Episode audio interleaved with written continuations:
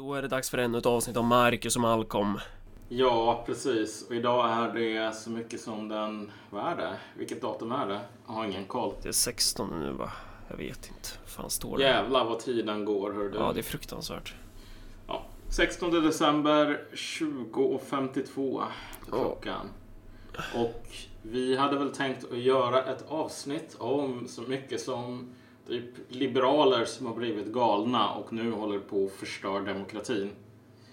Eh, Men innan dess så tänkte vi, har vi apropå liberaler, ett, ett grattis att dela ut till Amina Kakabave som har fått utmärkelsen Årets svensk Mm.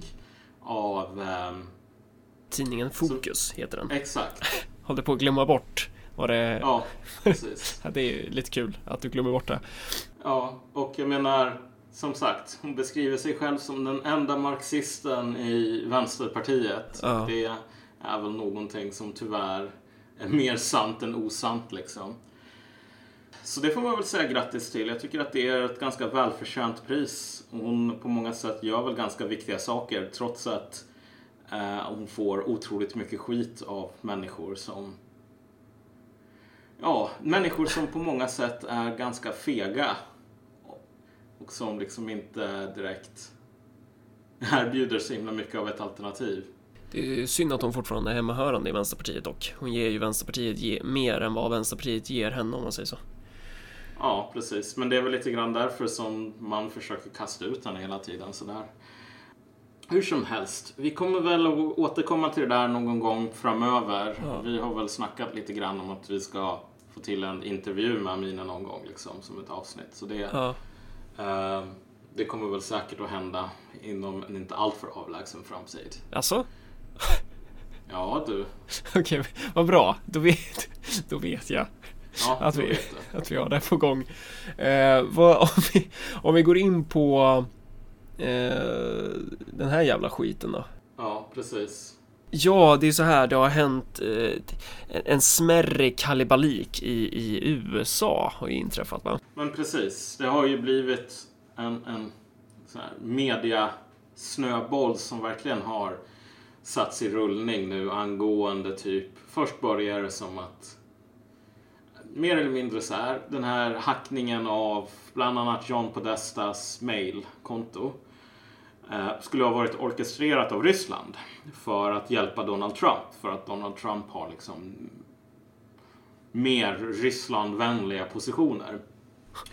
Det var ungefär där det började och nu så har det liksom spunnit vidare in i att handla om att typ Donald Trump är mer eller mindre någon sorts öppen rysk marionett. Och vem, vem är John Podesta om vi bara ska säga det också i podden kanske?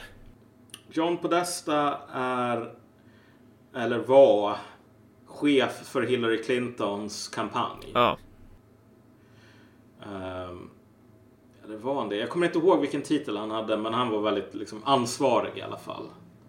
Ehm, liksom, en av de högsta hönsten i, i Clinton World. ja, och det var ju hans mail som släpptes över liksom Wikileaks som avslöjade ganska mycket om vi säger så. Um, och Hillary Clinton förlorade ju som bekant valet och när man förklarar varför det skedde så i slutändan så har man valt två förklaringsmodeller ungefär. Och den första var ju att Comey, alltså FBI-direktören, um, ehm, liksom är någon sorts antidemokratisk sabotör. Att det var hans fel att Clinton förlorade. Och den andra förklaringen är nu mer eller mindre att alltså Ryssland, ja, det var Putins fel. Och det har blivit en stor jävla storm kring det här. Där man verkligen trappat upp retoriken mer och mer och mer. Eh, alltså den här hackningen av John Podestas mail ska då ha skett via någon slags simpelt phishing-mail typ. För det första så hade han väl en ganska enkel mail att ta reda på och sen så typ var det så här man skickar någon han hade väl svarat på någon phishing-mail och sen skrivit in sitt lösenord i en keylogger typ.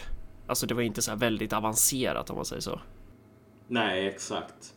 Um, och en annan grej är ju bara att uh, från den här demokratiska nationella kongressen och liknande Ja. så en av de här mejlen som man kan läsa på Wikileaks tror jag till och med det är. Är någon som alltså jobbar med så här IT-frågor. Som skriver ett mejl till någon annan där hon är jättearg på grund av att en säkerhetsfirma har kallat dem typ idioter. Därför att en av de sakerna som de gjorde det var ju att de gav massor med information på sådana här USB-stickor. Ja. Problemet med att göra det är ju att man kan lägga in lite vad man vill på en USB-sticka. Det här är en av de sätten som man lättast kan liksom infektera datorsystem och så vidare på. Alltså, med hjälp av USB-stickor så kan du liksom sprida trojaner, virus mycket enklare än med många andra metoder. Och så sa de bara i det här mejlet som nu har läckts bara, du, det här är ju inget problem alls. Det kommer inte att leda till några problem. De som säger att vi inte borde göra det här, det är bara idioter liksom. De är haters. Så det här var inte så, det här var inte så jävla smarta och kompetenta personer som liksom blev hackade, om vi säger så. Och det krävs således inte så himla smarta och kompetenta personer för att hacka dem heller. Nej, precis. Man behöver inte FSB eller vad det nu är man eh, anklagar för att ha hackat dem liksom. Ja, precis. Jag tror de, en del lyssnare som lyssnar på det här känner alltså människor som skulle kunna hacka johnpodesta gmail.com själva. Ja. Ehm, och som sagt.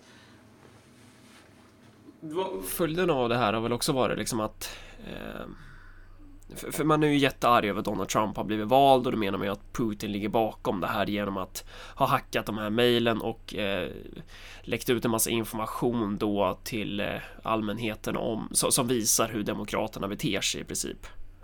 Ja, Och då så det har ju gått ganska långt liksom. Vi har ju till exempel den här Adam Schiff eller vad fan han heter. Han den där kong, så här, kongress, eh, vad fan heter det, kongressledamoten som anklagar eh, alltså folk på Fox News för att vara så här spioner åt Ryssland liksom. exakt. Det här är någonting som är otroligt fascinerande på grund av att om vi tänker oss här hur debatten gick angående Donald Trump. Så hans kallades ju ett hot mot demokratin. Varför då? Jo, därför att en av de sakerna som man tänk, föreställde sig att han skulle göra det var alltså att efter att han hade förlorat valet då skulle han försöka komma på olika sätt och säga men det här gills inte. Ja. Det här var fusk eller liksom vi behöver inte respektera demokratin. Vi borde med andra metoder se till så att jag blir president. Om inte det gäller liksom, om det inte går enligt den demokratiska metoden. Ja. Och det här är ju mer eller mindre vad alltså demokrater som var så otroligt rädda för att någon skulle underminera demokratin har gjort själva. Och som de är stolta över att de gör idag mot Donald Trump. Precis, för om vi återkommer till just det eh, klippet så vi, vi skulle kunna spela upp det hur, hur det låter. Att först så säger han ju så här. Let me just ask you one final question. Can you look right into the camera and say, I know for a fact the government of Vladimir Putin was behind the hacks of John Podesta's email? Absolutely. The government of Vladimir Putin was behind the hacks of our institution and the dumping Of- of, of information. John Podesta's email. Not only in the Of John United Podesta's States, email. but also in Europe. Okay, you're not, you know what, you're dodging. And, and, and Tucker, no, you- look and say, are- I know they did. John Podesta's and- and emails, I- they hacked and I those. när han liksom ställs mot väggen i Fox News om att så här visa någon slags bevis för det här. Då säger han ju bara så här. think that uh, Ronald Reagan You will can't- be rolling over Ronald his Reagan, grave fine, Ronald Reagan, at Ronald- your carrying water for the Kremlin. I'm not which- carrying water for which- the. I'm, you're you making. Look, you're a sitting member of president-elect, Congress on the Intel uh, Committee, and you can't say they hacked. hacked You're gonna you're gonna have to move your show to, to RT Russian television because You know what? this That's is perfect. just so this is perfectly beneath your placed. office because it's so dumb and you're being duplicitous. I'm asking you, did they hack When Podesta's emails? And you can't to say it. personal insults like that, Tucker. You're You just said clearly I was losing the carrying. argument. Oh, you said I was carrying water for Putin. That's pretty Well, hilarious. y- y- You know, when you when you essentially time. are an apologist for the Kremlin, that's what you're doing. I'm going to. One last time, Congressman. Look into the camera and say they hacked John Podesta's emails. We know for a fact that Putin's government did that. You can't, and you know you can't, and you're hiding Tucker, behind I- I- weasel words. I, I, just said that the Say they hacked John Podesta's the email. Russians. I'm not going to be specific as oh, to because you don't know it. That's why. All right, Uh, done. One. You don't know it, and you're alleging it without any evidence, and you're, wrong. you're ignoring the evidence because you don't care. Uh, the fact that it, that it helped uh, the Republican candidate is all you need to know. That's apparently. totally that's totally false. I just think if you're going to make a serious allegation about an actual country with an actual government, you ought to know what you're talking about, and, you don't. I think that you No. ought to, ought to Yeah. accept. I- I gotta go. what- I'm what taking cash from Putin, now I'm on and RT, okay. Republicans uh, on the Intelligence Committee have seen for a fact. If- if you could say it, you if- wouldn't. If, you can't. And you know be- that. If you're willing to be in denial about this because it, it suits a Republican-elect president. Okay, whatever. You can blather on all you want, man, but I gave you a chance to state it clearly, and you wouldn't, which tells you we everything have you in know. you, All right. uh, or a president-elect? Okay. Not very much, apparently. I appreciate that, Congressman. And now I need to take a call from Vladimir Putin, so I'm going to put you on hold for one second, do this tease. Some of the electors who will pick Det vill säga att eh, folk på Fox News jobbar för Kremlin. Exakt. Och jag menar, kolla. Det här är ju väldigt intressant. En annan grej som man håller på att tala om är ju bara, du, Party of Reagan, hur kan ni, ni republikaner, Party of Reagan, Reagan var republikan, hur kan ni hålla på och liksom curla för Ryssland ungefär? Ja. Så att demokrater är idag de som håller på och talar varmt om Reagan, Ronald Reagan och liksom allt bra han gjorde för frihet och allting sådant. Och typ också demokrater, därför att det är CIA mer eller mindre som är källan till de här anonyma läckorna enligt de här tidningarna som publicerade, liksom Washington Post och så vidare så har du alltså demokrater som säger Hur vågar Donald Trump ifrågasätta CIA? Det här är Alltså det här är förräderi. Hur kan man ifrågasätta de hårt arbetande eh, patrioterna på CIA? Liksom, bara kom igen. Problemet där är väl att det inte liksom finns något officiellt uttalande från CIA om att det här har hänt. Nej, som sagt, alltså det finns ingen från CIA som är beredd att gå upp och säga så här. Jag heter XY. Jag är det här och det här på CIA. Och jag vill hävda att ryssarna gjorde det här.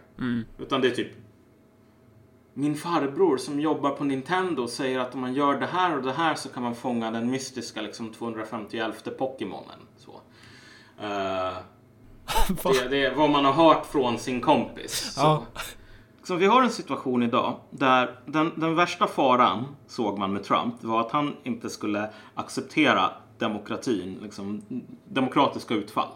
Och nu har du demokrater som på allvar försöker använda det här som en ursäkt för varför man inte ska acceptera det demokratiska utfallet liksom här. En sak som liksom Demokraterna, alltså Liberalerna, Clinton och så vidare vill göra eller som, som man liksom höjer rösterna för är ju att man vill ändra så här, elektorssystemet. Eh, Just nu så finns det ju lite beroende på hur lagen är reglerade, men det finns ju en kutym liksom kring att elektorerna i eh, de olika staterna röstar på det som eh, den kandidat som fått flest röster liksom.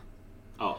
Och det här vill Demokraterna nu upphäva så att man ska få så att elektorerna då skulle kunna rösta på ja, Clinton även ifall Trump har fått flest röster i, i, i delstaten så att säga. Ja, precis. Och liksom, när man talar om att upphäva, att upphäva elektorsystemet är ju en grej. Liksom. Ja, Men, och det har man ju talat om också därför att man tycker ja, men att, att, att Trump vann är ett bevis på att man måste ha bort det. Ja. Men det som man säger är bara så att man vill upphäva den här traditionen. precis. Alltså man, eller man, man vill frångå den idag i alla fall. Och den, det är ju en tradition som, som mer eller mindre har varit allmängiltig i typ 200 år ungefär. Så det är ett otroligt stort steg. Alltså det händer ju inte. Nej, Rent teoretiskt så är det möjligt att göra det. I alla fall för ganska många el- elektorer. Men det spelar liksom ingen roll. Alltså man gör inte så. nej. Det, är, det finns inte på kartan. Och när man håller på att ha de här idéerna, när man, den här diskussionen idag om att Donald Trump är liksom en utländsk spion. Och det är ett gravt hot mot demokratin själv. Vi kan inte längre hålla på att respektera regler utan nu måste vi ta saken i egna händer. Det här är ju mycket värre än alltså, vad, vad man anklagade Donald Trump för att skulle vilja göra. typ. Verkligen. Jag tror inte det var många liberaler som på allvar trodde att Donald Trump skulle säga vi behöver en statskupp ungefär. Nej. Utan vad man var rädd för att Donald Trump skulle säga det var liksom bara typ gå ut och protestera mot det här och ta med er era egna vapen. För då, det finns väl en del liberaler som liksom höjer rösterna för det också, typ så här.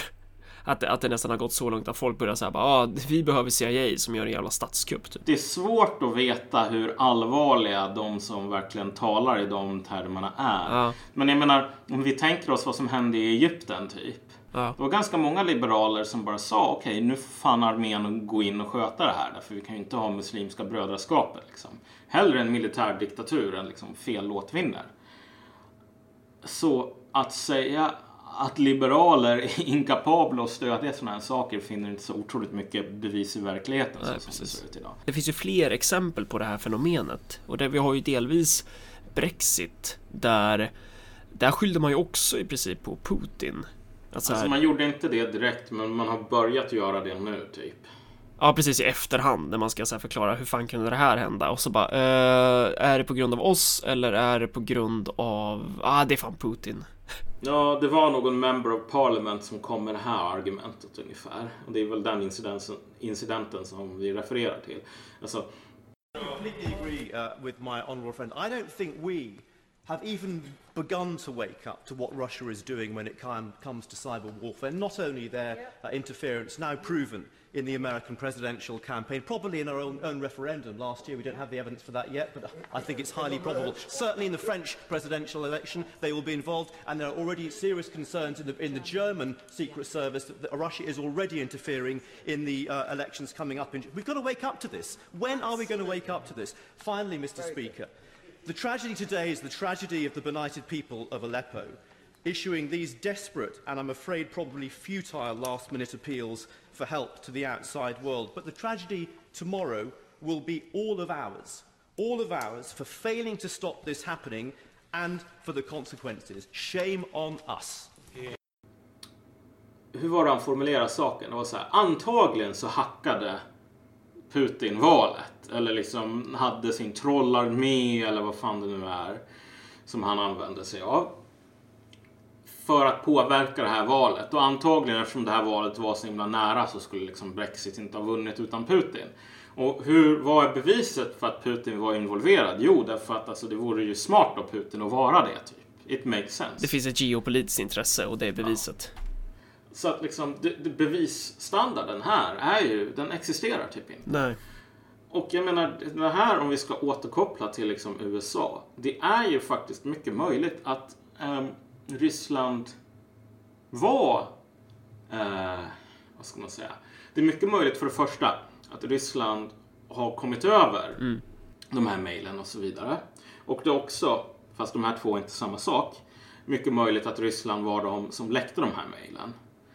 Ehm, men för att det finns både medel och motiv liksom. Återigen, det är inte så himla svårt att göra det här. Och de facto så har ju Trump visat, inte bara i sina personliga uttalanden utan också vilka han har nominerat. Han har faktiskt visat att han är, i alla fall i teorin, mycket mer beredd att ha en försonande linje mot Moskva typ. Så mål och medel och motiv. De sakerna finns. Men det är inte bevis, Nej. för det första. Men låt oss tänka oss att det här faktiskt var Ryssland. Nu är det ju människor som verkligen talar om att det här är ett bevis på att, okej, för det första, Trump är bara en marionett. Han fjärrstyrs av Putin, har ingen egen vilja, vilket bara är absurt. Men den andra grejen också att det här är någon sorts krigsförklaring, att nu måste väst dra en linje i sanden och så vidare. Men hur många människor som säger så skulle vara beredda att acceptera att vi säger så här. Putin har mördat 30 journalister. Ja. Och du vet, han håller på och skryter om det här till sina kompisar. Liksom. Jag mördade den här journalisten då med liksom en, en, en ljusstake i bankettrummet liksom, som är Cluedo. Och CIA eller MI6 kommer över det här. Du vet. Och det är val i Ryssland. Ryssland har hållit på och mördat sin egen befolkning, snott massor med pengar av sin egen befolkning. Och man är 100% säker på att det här är sant, det är ingen lögn. Ja. Är det någon på typ DN som skulle säga att ja, men det enda moraliska här det är ju att se till så att den ryska befolkningen inte får reda på det här? Nej, självklart inte. Dels så tror jag att alltså den moraliska aspekten här så skulle väl folk säga att vet du vad, intressena hos den ryska befolkningen att veta det här, de väger över. Men sen är det också så att jag menar, det skulle ju vara tjänstefel. Det skulle vara underlåtenhet att utföra sitt jobb för CIA om man hade den här informationen och inte släppte den, inte använde den mot ett land som motarbetar ens egna intressen. Så om vi har den här standarden för liksom vad CIA borde göra. Är det så konstigt att CIAs motsvarigheter i andra länder, typ Ryssland och Kina, resonerar på precis samma sätt? Ja, precis. En tredje grej som också skylls på Putin är ju någon så här jävla någon EU-expert som har gått ut och hävdat att sexövergreppen i Tyskland är någonting som Putin ligger bakom för att få Angela Merkel att inte bli vald. Ja, jo, precis. Alltså att det, är ju ett fenomen som, som sprids över, alltså, över västvärlden på något sätt och det kanske inte är så nytt egentligen men man har ju skyllt på commies förr och sådär. Ja, Men ja, det är väldigt intressant att, att allt fler börjar ta till det här Putin-kortet liksom. exakt. Det, det är nästan, eh, vad ska man säga, på något sätt beroendeframkallande att, att dra det där så här. Det här är inte vårt fel att vi förlorar, det är Putins. Jo men exakt. Jag menar om vi tänker oss Hillary Clintons valkampanj. Mm. Hon förlorade delstaten Michigan med 20 000 röster tror jag det var. Det här, jag har inte kollat upp det här själv men Demokraterna hade ett stort problem med människor som röstade, alltså de gick till vallokalerna, de röstade, de röstade på allting förutom president som de läm- lämnade blankt. Men liksom från liksom, toppen till botten så röstade de demokratiskt. Och den siffran som jag hörde på sådana röstsedlar var typ 90 000 människor. Hillary Clinton förlorar 20 000 röster totalt. Och 90 000 demokrater kan inte rösta på Hillary Clinton. Sånt där händer bara om du är otroligt kass som kandidat. Men, men det är så himla mycket enklare av så många anledningar att, att bara säga att "Ja, men det här var Putins fel. Och jag tror att det här är någonting som har blivit mer och mer generaliserbart idag. Alltså att så fort du har ett problem internt till det demokratiska partiet, internt till det politiska systemet, internt till globalisering, internt till flyktingmottagande i Tyskland. Då kan man bara säga så här, ja men vet du vad, det här är Putins fel. Därför att logiken är alltid att vi är perfekta, vi lever i det bästa av alla system. Och så fort någonting folk, hundarna inte äter hundmaten som man säger. Då blir responsen alltid att säga så här, men det är för att folk är för dumma i huvudet för att förstå varför det här är rätt. Eh, Människor kan bara på grund av fake news eller på grund av Putin eller på grund av att vi lever i postfaktaåldern. Det är de enda godtagbara förklaringarna till varför man inte kan tycka om Hillary Clinton eller globalisering eller vad det nu är. Och det påminner ju ganska mycket hur den gamla partieliten i Sovjetstaterna på något sätt förklarade sitt egna fall också. Det här med att nej men det kan inte vara någonting vi gör fel, det är bara någon, någon yttre... Ja men alltså hur kan en normalt tänkande människa som inte lider under någon sorts, alltså är offer för någon sorts hemsk propaganda. Hur, kan, hur skulle en sådan människa kunna säga att alltså, socialismen inte är överlägsen? Ja, precis. Men det, var ju, det, det, det argumentet är ju vanligare än skrottyp. Ja, Men det funkar inte i slutändan. Alltså Nej. det är det som man måste, måste förstå. Att sådana argument som säger så här att alltså, folk som inte håller med mig, det gör, de gör det bara för att de är dumma i huvudet eller lurade. Det gör ingen skillnad. nej. Och idag har du ju det motsvarande som är så här, hur kan någon eh, inte ta åt sig faktan om att liberalismen är överlägsen? Hur kan man inte förstå att eh, Ja men den här kvinnliga Hillary Clinton, anständighetens kandidat, att hon är rätt person liksom. Mm, exakt. Och jag menar, i takt med... Alltså man måste alltid, när man talar om någon som Hillary Clinton som är så dålig på typ tusen olika sätt. Då krävs det ju en del kognitiv dissonans för att säga att hon var perfekt. Är så här, eh, folk, som inte, folk som har ögon att se med kan ju se att hon är ganska långt ifrån perfekt. Den, ett sätt att hantera kognitiv dissonans på rent konkret är ju liksom det här double down på något plan. Att alltså liksom, om du vet att Hillary Clinton inte är perfekt, då måste du skrika att hon är perfekt liksom dubbelt så högt som annars. Ja. Och du behöver också kunna komma på mer och mer absurda förklaringar till varför du inte har fel och varför de som inte håller med dig har fel. Och liksom, Ryssland, Putin blir en sorts stand-in här. Alltså, man är rädd för att Ryssland har, håller på och typ infiltrerar och tar över USA. Och jag menar, var ska man ens börja? Om, om man har spelat Call of Duty så är det ju ett så här uppdrag. Du vet, det flyger så här stora ryska transportflygplan över typ alltså, centrala USA. Och det kommer massor med så här ryska fallskärmsjägare och bara hoppar fallskärm och typ tar över Pizza Hut och så måste man döda dem liksom. Så man spelar som marinkåren. Ja. Men jag menar, är det det som folk föreställer sig? Liksom, jag förstår verkligen inte, alltså, rent konkret hur det skulle se ut att Ryssland tar över USA. Det går inte att formulera något sådant scenario som inte är helt så här absurt. Eh, Vi har ju liknande varianter i Sverige också. Att Sverigedemokraterna har ju spelat lite av den rollen att man skyller allt dåligt på dem. Att de har blivit så här samtidens syndabockar på något sätt. Eh, och man använder väl också Ryssland i Sverige.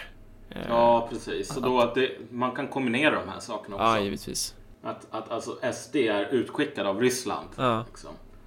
Därför att Putin hatar liksom allt som är bra. Det som ska förklaras då med hjälp av antingen syndabocken Sverigedemokraterna eller syndabocken Ryssland är ju liksom varför det går dåligt inom svensk politik i princip. Ja, Det är ju det man vill använda de här till. Någonting händer Det är något stort på gång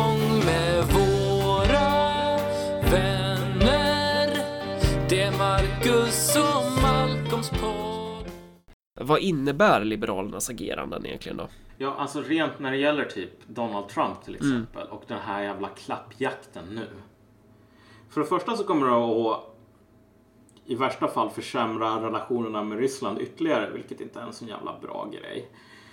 Ehm, men jag menar, vad Liberalerna gör idag är ju att alltså de försöker ju medvetet sabotera tilltron till det demokratiska systemet. Till den legitimiteten i den demokratiska processen. Det man säger de facto att det är okej att när fel låt vinner, om man, vi själva tycker att det är viktigt, då får man använda olika icke-demokratiska medel för att liksom uppnå de resultaten man vill ha. Och sen så säger man också så här att det här, vårt demokratiska system funkar inte. Um, liksom, man ska inte respektera presidentämbetet, bla bla bla. Sådär. Okej. Problemet är ju bara att vad kommer hända om fyra år? Vi säger att en demokrat vinner. Kommer man att kunna förhindra människor på andra sidan att säga, vet du vad? Den här personen tycker vi är jättehemsk och vi tycker att den är ett hot mot kristen moral och liksom äppelpaj och mödraskap och allting som är bra. Nu måste vi faktiskt göra någonting åt saken. Liksom. Så här. När du väl börjar röra dig i den här riktningen, att alltså inskränkningar i, i, i, i det demokratiska systemet är okej. Alltså det är väldigt svårt att sluta då. Och det är så här att det är ingenting du själv kan kontrollera. Att bara de människorna som du tycker om kommer att använda sig av den här öppningen. Och det intressanta är ju att det är ju inte direkt de här syndabockarna som är som, är, som ruckar på de här institutionerna. Utan de som gör det, det är ju de här goda, självutnämnda demokraterna. Exakt. Det är ju liksom det politiska etablissemangets kärna som är hotet mot sin egen liberala demokrati på något sätt. Jo men exakt. Alltså kolla.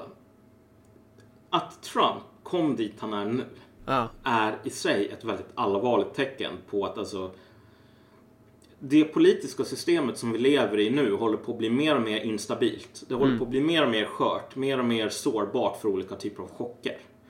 Men, och det är ju skrämmande i sig på ett plan.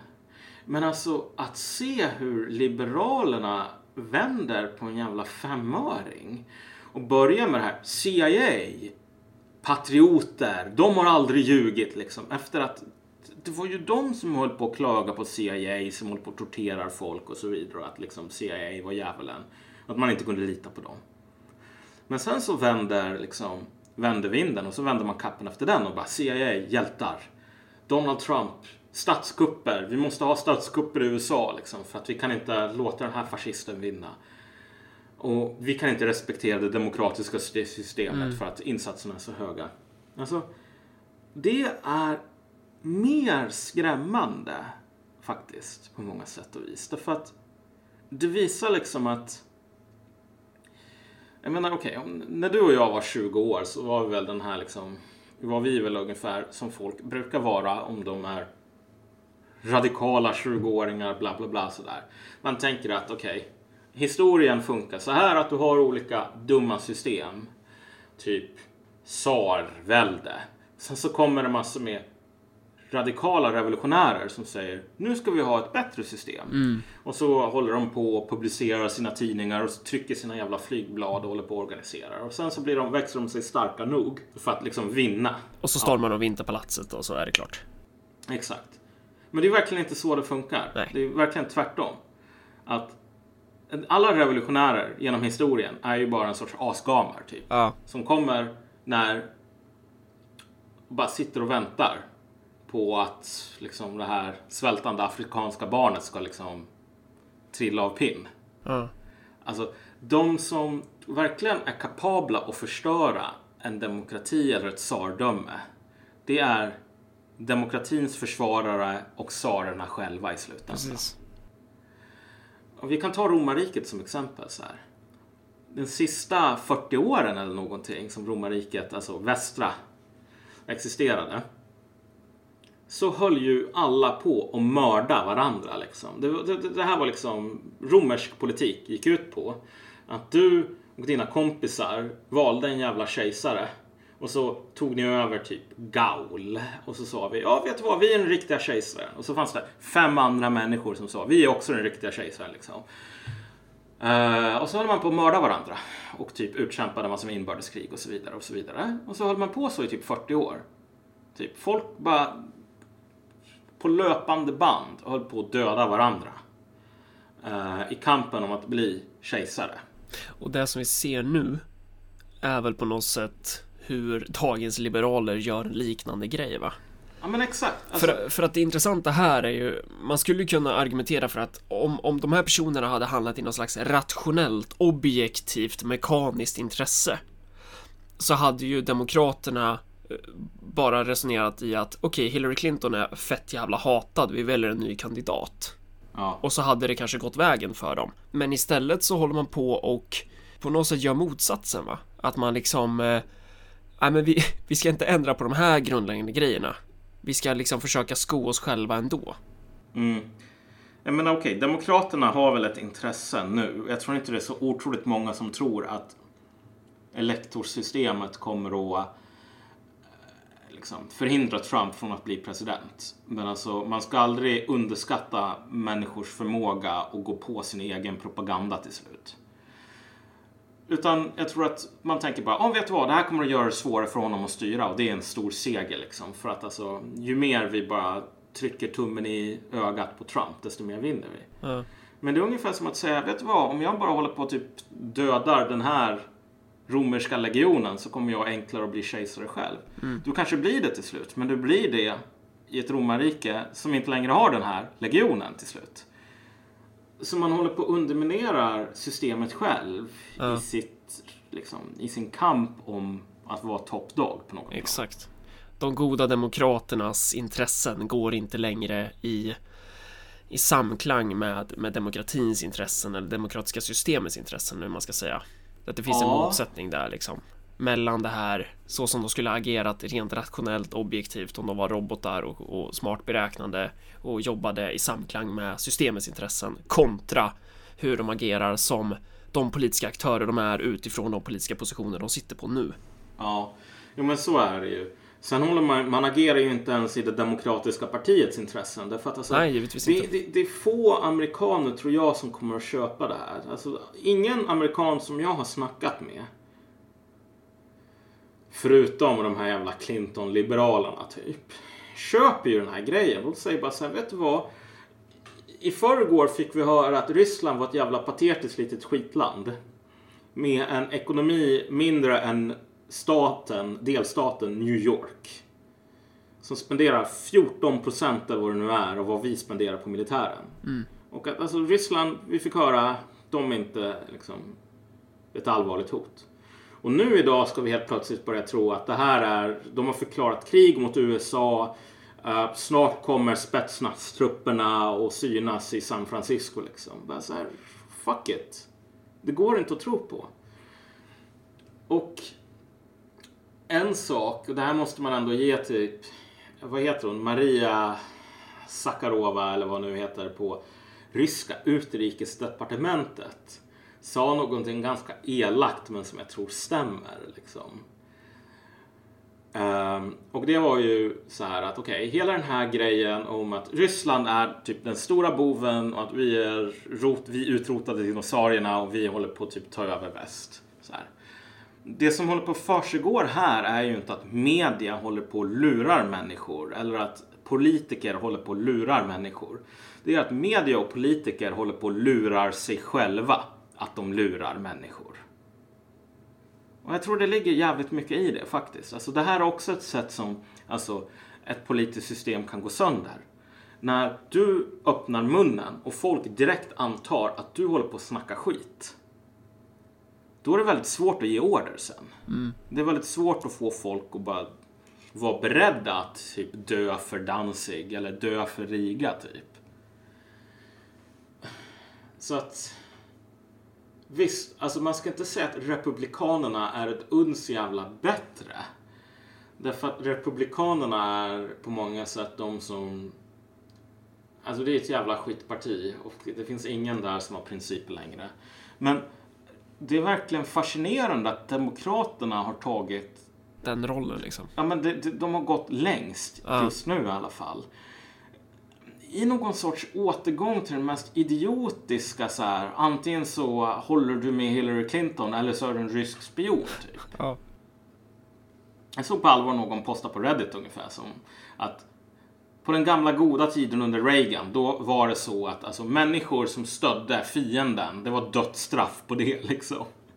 Men det var så här, det är inte så ens att någon har bevisat att det finns massor med ryska spioner. Nej. Och hålla på och säga, drömma om tiden där det var dödsstraff på att vara en jävla utländsk agent. Typ. Jag skulle vilja gå tillbaka lite till den grej du sa att de här demokraterna handlar ju inte ens i det demokratiska partiets intressen. Och det är väl det som sådana här händelser på något sätt markerar att eh, det tydliggör motsättningen mellan idealtypen partiet och dess ledningar liksom. Att här Ja. ser vi ju verkligen politikerkorruptionen i dess essens. Och det här är väl på något sätt någonting som vi kommer se ännu mer av i Sverige också kan jag tänka mig. Eh, Att det här liksom på något sätt utkristalliseras. Hur de här politikerna agerar endast i ett intresse och det är på något sätt eh, sitt kortsiktiga egenintresse. Ja, exakt. I slutändan så, det här verkar vi ha mycket med arrogansen hos ett visst skikt av ledningen inom det demokratiska partiet. Liksom. De kan aldrig göra fel.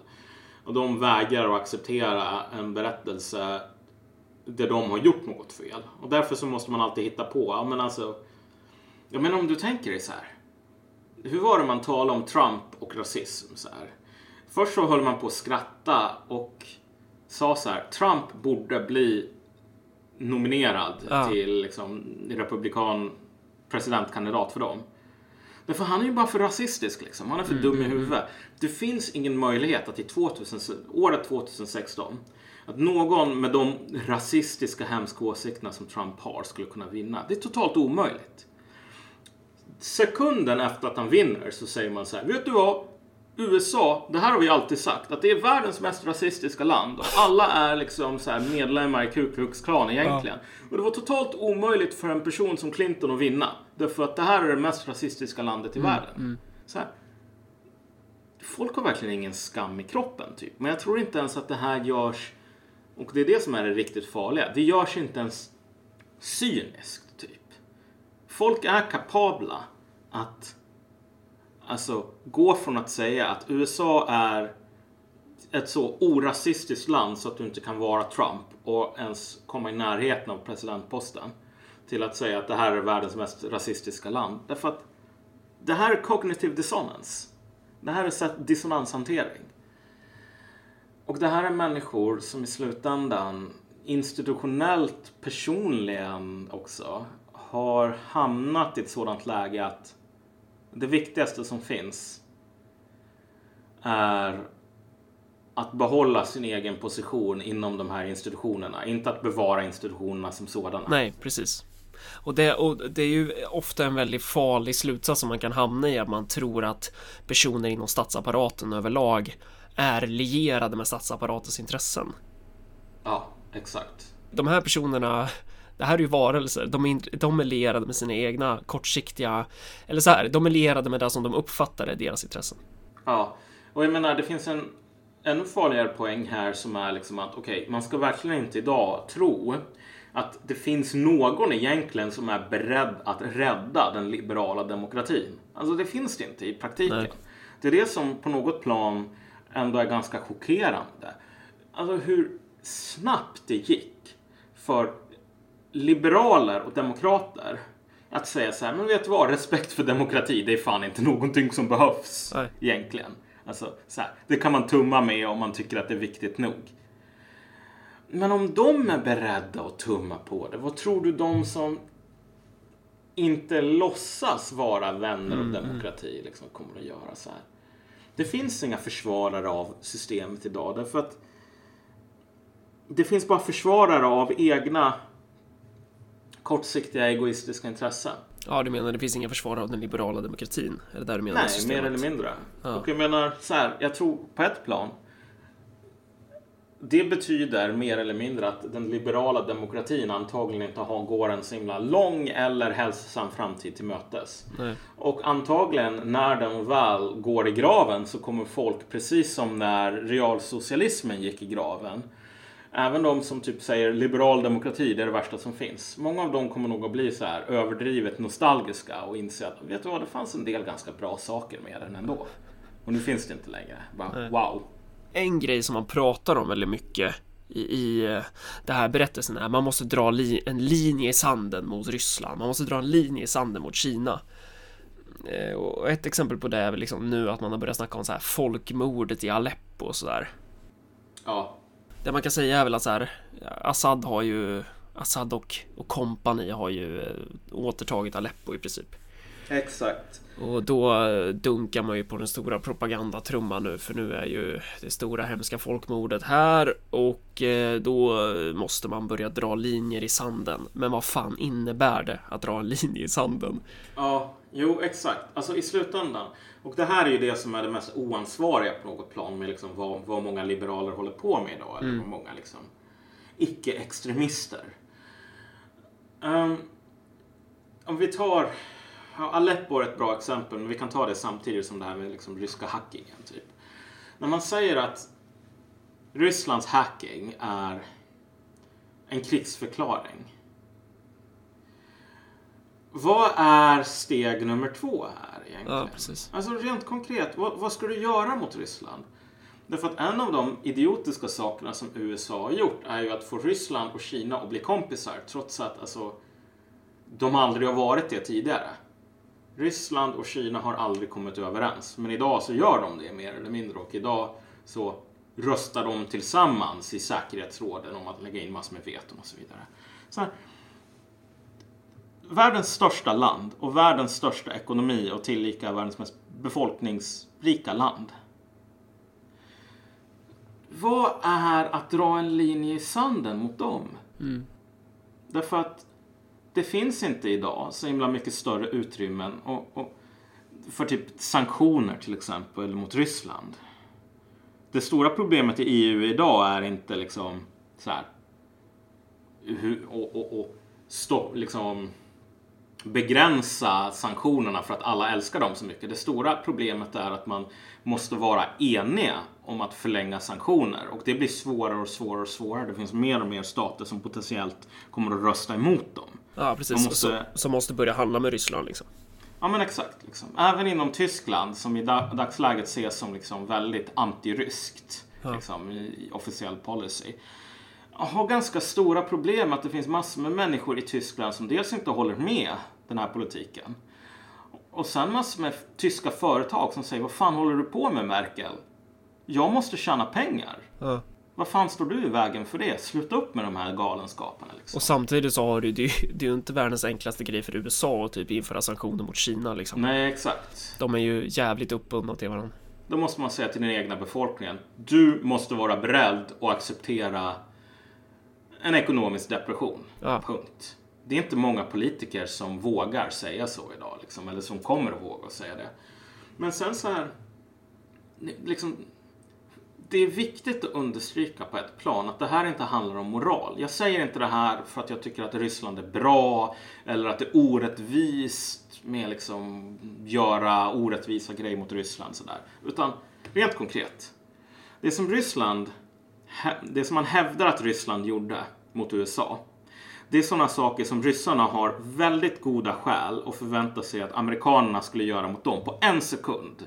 Om det fanns en öppning. Jag tror att de är ganska varsamma, mycket mer än vad demokraterna i USA har varit. Med att se till så att när de håller på och snackar om liksom, sin egen korruption, då gör de det på säkra kanaler. Därför att de vet att sekunden som någon kommer över här, då kommer det här att läckas på det mest skadliga tillfället någonsin.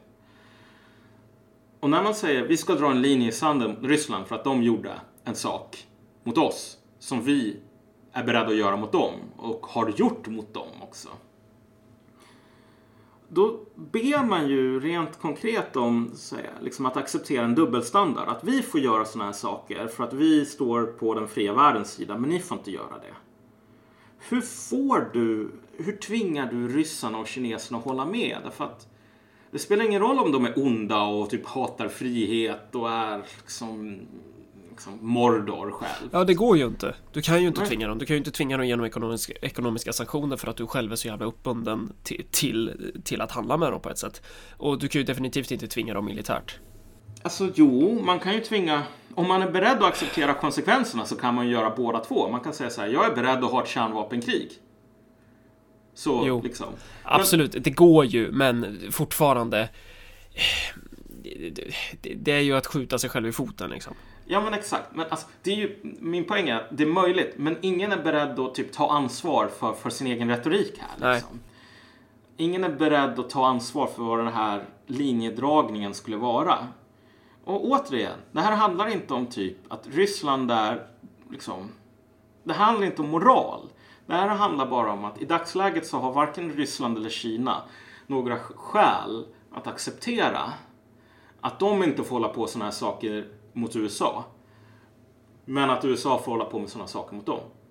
Och då tvingar man antingen dem eller så säger man så här: okej, ingen av oss kommer att hålla på med det här. Men det, det, det är de enda valen som finns. Ja, och man gör ju inte, eller man, man är ju inte beredd att göra något av det här liksom. Nej, exakt. Och det illustrerar väl på något sätt en total jävla maktlöshet. Ja. Att, ja, där, där är vi.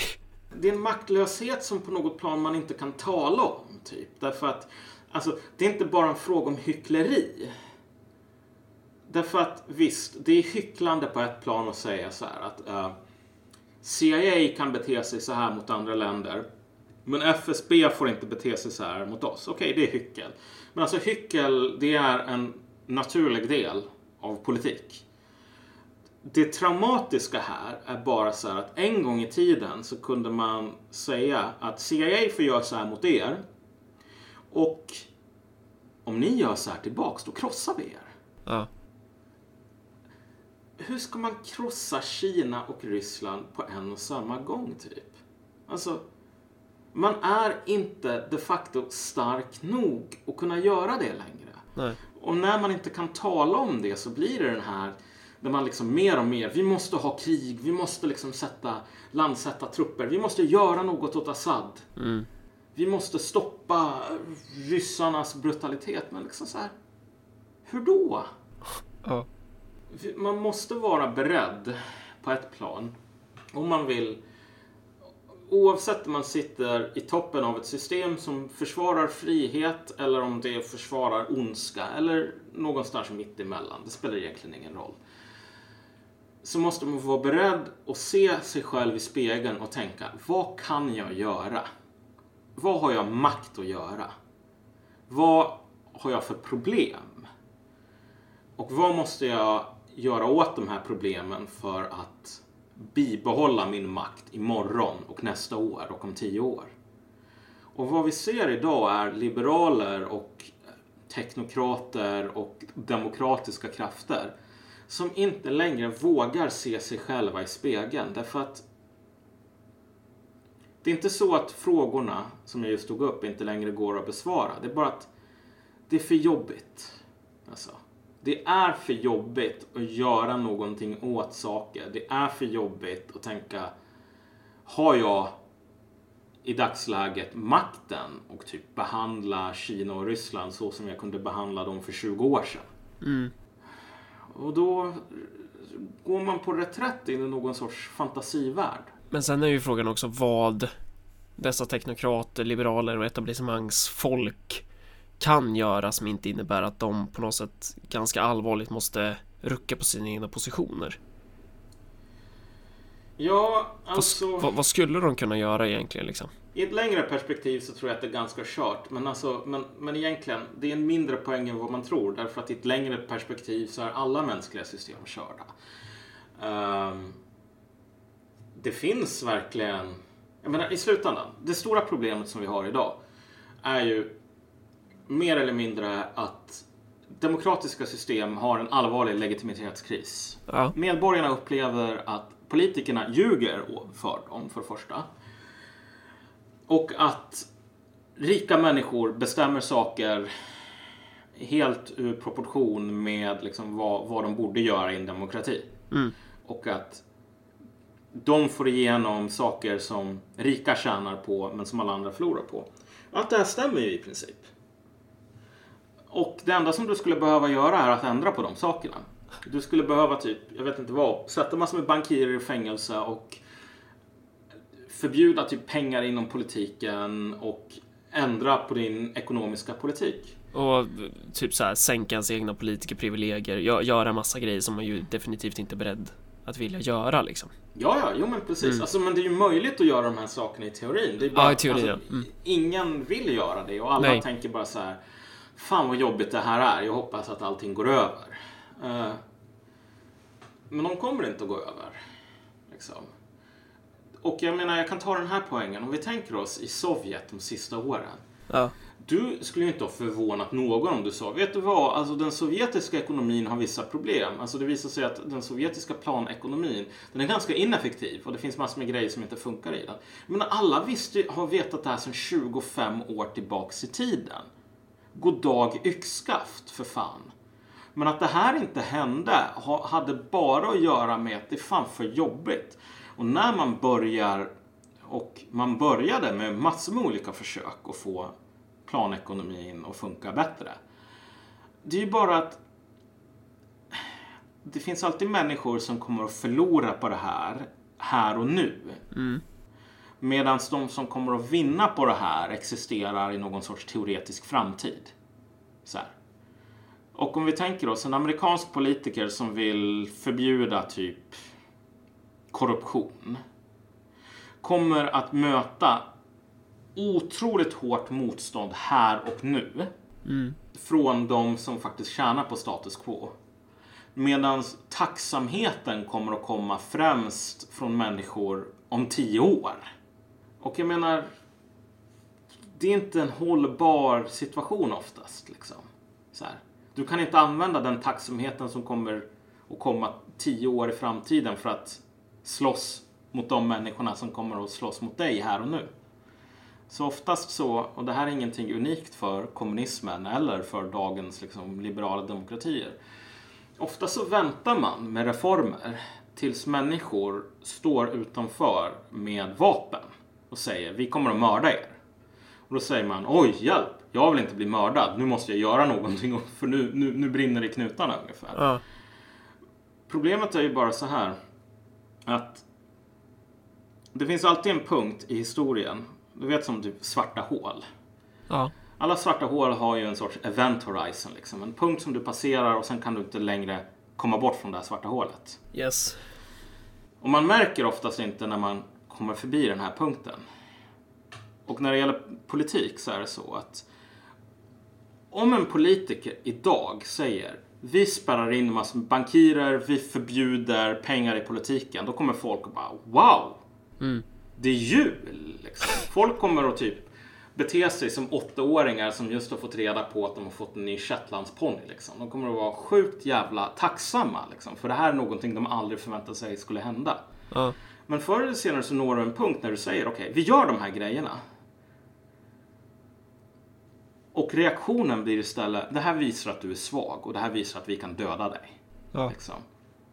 Alltså, oftast genom historien så väntar människor med reformer tills människor är så arga så att reformerna bara blir ett bevis på att man inte behöver nöja sig med reformer. Man kan gå hela vägen ut. Typ. Och jag tror att precis samma sak kommer att hända i, i, i dagens västvärld. Liksom. Därför att hur många liberala demokrater verkar det finnas som är beredda att, att försvara den liberala demokratin? När det inte hänger en jävla giljotinägg ovanför nacken på dem. Typ. Ja. Det är inte så himla många. Det är där va? Mm, ja. Eh, vill man säga något i slutet nu så här? Ja, man får gärna sprida detta avsnitt. Eh, och man kan också skänka en gåva. Jag har inte det här swishnumret i... i... Det är 0790 10 72 23 som är swishnumret och sen kan man också signa upp sig för Patreon. Ja, precis. Och vi eh, hörs och syns nästa gång helt enkelt. Och vi får Yes. önska er... eh, Ja, det är inte Ja. jul än va? nej, precis. Nej, vi hinner väl ett avsnitt till. Ja. Ja. Ja, Ja, ja, men vi på återseende. All is gone except the will to be. Now they see what will be.